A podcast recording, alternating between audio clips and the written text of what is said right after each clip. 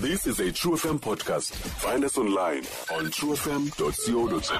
benditshilo ke ndathi sawutshekisha usimj namhlanje sive kwinto yobana namhlanje kwi-tin zone basiphathele ntoni simj Hi, Chum. hayi mtshana kunjani namhlanje Ndiphile, Chum. Nam kunjani kuwe? i'm good man namhlanje kwi-tin zone Today we're unpacking COVID-19 amongst teenagers, Chum yam, eh, noAseza Nqeketho. Eh, recent studies okanye statistics ke zisibonisa ukunyuka kwamanani okosuleleka amongst i-teenagers. Ezininzi ke ii-factors ezicontributileyo uh, to this uh, rise in numbers bonke namhlanje we're looking into those factors ke sifuna ukubona ukuba eh, mhlawumbi singenza njani sizi-teenagers to protect ourselves uh, and our loved ones ingakumbi ke ngeli xesha le-festive besenditshilo into yobana ke emnxebeni sinayo aseza nxeketsho oyi-geographical information system officer from i-n g o ke ibizwa ngento yobana yi-right to care uzasinika ke ii-answers zethu kule mibuzo and nale topics i-unpackayo namhlanje molo aseza uphilile Molo msasazi unjani? Ndiphilile kho nje kunjani ku? Hayi ndiphilile kuhle naku. Enkosi kakhulu aseze ngexesha lakho sakwamkele inkqubeni. Ndiyabulela. Eh ungathi mhlawumbi aseza thank you so much for joining us. As i-NGO lena niye nasebenzisana nonomasipala abaninzi amanani eh, amakhulu kwindaba ye-COVID-19 to check compliance mos kwimiqathango le ibekiweyo. Ungathini mm-hmm. mhlawumbi usixelele banzi ngalo mba uba eh, nisebenzisele njani abamasipala? Okay, um mandibulise kubaphulaphuli nalu nakulutsha emakhaya and ndibulele for eh, le opportunity.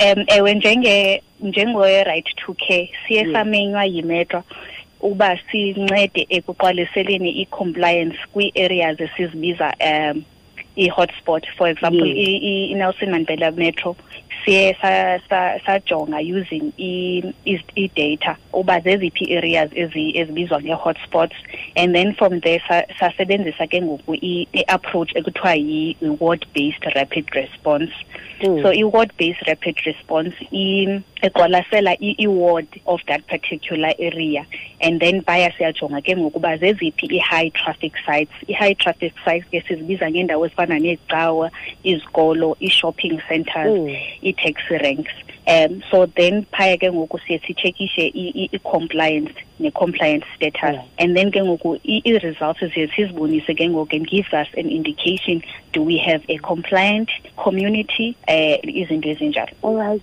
eh, ngaba ke ngoku mhlawumbi aseza what were your findings uh, with regards i-teenagers yazo um kulo mba we-covid-19 okay um i-teenagers uh, eh, using i-results from uh, the compliance tool we were using in the in the in the different wards in the metro we mm. found that specifically i-teenagers are not that compliant sikhathazekile kakhulu because they are mm. not taking it serious into yecovid so into ezifana nonganxiba imaski ne-social mm. distancing nohlamba izandla so sikhathazekile kakhulu mm. ingaba ke ngoku mhlawumbi zeziphi activities which teenagers uh, engage in ezibenza into yobana um eh, babe ngamaxhoba of into yobana bangakwazi ucontracta um eh, le pandemic ye-covid-nineteen okay ulutsha njengokuba sibona nasezindabeni bayathanda ukuya kwii-house parties bayathanda ukuya kwii-drunking outlets kwiindawo zobumnandi and njengoba siyazi kwezo ndawo kunzima kakhulu uku-enforcer i-covid 19 regulations and zezona ndawo ezizi-high traffic sites esiyaziyo ukuba there's a high chance uba bangayifumana ivirus mm-hmm. izi-teenagers ziyazithanda i-house parties nesi saseza um siyazithanda eza get together zimnandi masithi ke ngoku nazi iteenager um iye kwi-house party okanye loo get mhm. together without um eh, ugobela imithetho lena um yokusuleleka kwi-covid nineteen phofu ke iteenager lena yoyisuleleke i-covid nineteen ibe mhm. asymptomatic ne how does loo nto leyo iafektha njani mhlawumbi ii-loved ones zayo okanye ifemeli lena ingqongileyo enkosi msasazo for loo mbuzo eh ubalulekile kakhulu because um njengoba siyazi i-covid 19 ihlasela abantu abane-immune system engaxinanga so mm. abantu abakhulile ngabo aba-at risk of ukuyifumana le covid 19 virus so into eyenzekayo umntu olutsha uyahamba aye kwezi parties aye kwezi ndawo kuzi kuthiwa zii-drinking outlets mm. abe asymptomatic enjalo aye naye ekhaya asulele ke abazali asulele nabantwana abancinci mm. kulapho ke ngoku iingxaki ziba khona because ngabo abantu kuthiwa sithi zii-vulnerable populations mm. ngaba ke ngoku mhlawumbi ungasiniki iingcebiso ezithini um wena aseza sisi-teenagers ngeli xesha le-festive season um malunga nendaba ye-covid-19 um eh, silulutsha ndingacebisa ukuba if asikho isizathu uba uphume ekhaya sicela uba uhlale ekhaya but if there is a reason or ubona uba awukwazi wena uhlale ekhaya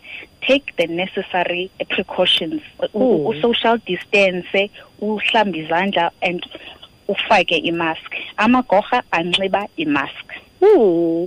Sis Aseza, enkosi kakhulu. Enjoy the rest of your day. Eh, sizile kakhulu kwaye sifunde kakhulu from this topic. Ndiyabulela kakhulu msasazi. Enkosi kakhulu. Ibingeke lokho sis Aseza Nqeketho eh oyi-GIS Technical uh, Officer. Namhlanje ke besifuna ukubona ukuba mhlawumbi singenza njani thina eh, sizi-teenagers to protect ourselves and our families eh, ingakumbi ke ngexesha le-festive season eh, kwindaba ke ye-COVID-19. Mm. enkosi kakhulu ke bekungakho ke thina ke sikuphathele kona singu-sabc education esibambisene ne-true f m sazina sibuye ke with our great teachers science and technology team zone kwakunye ke nostage mind kweveify mm, inkosi kakhulu ke mtshanam inkosi tsho stream true f m online on true f m co za sikho yonke indawo ngalo lonke ixesha like no one else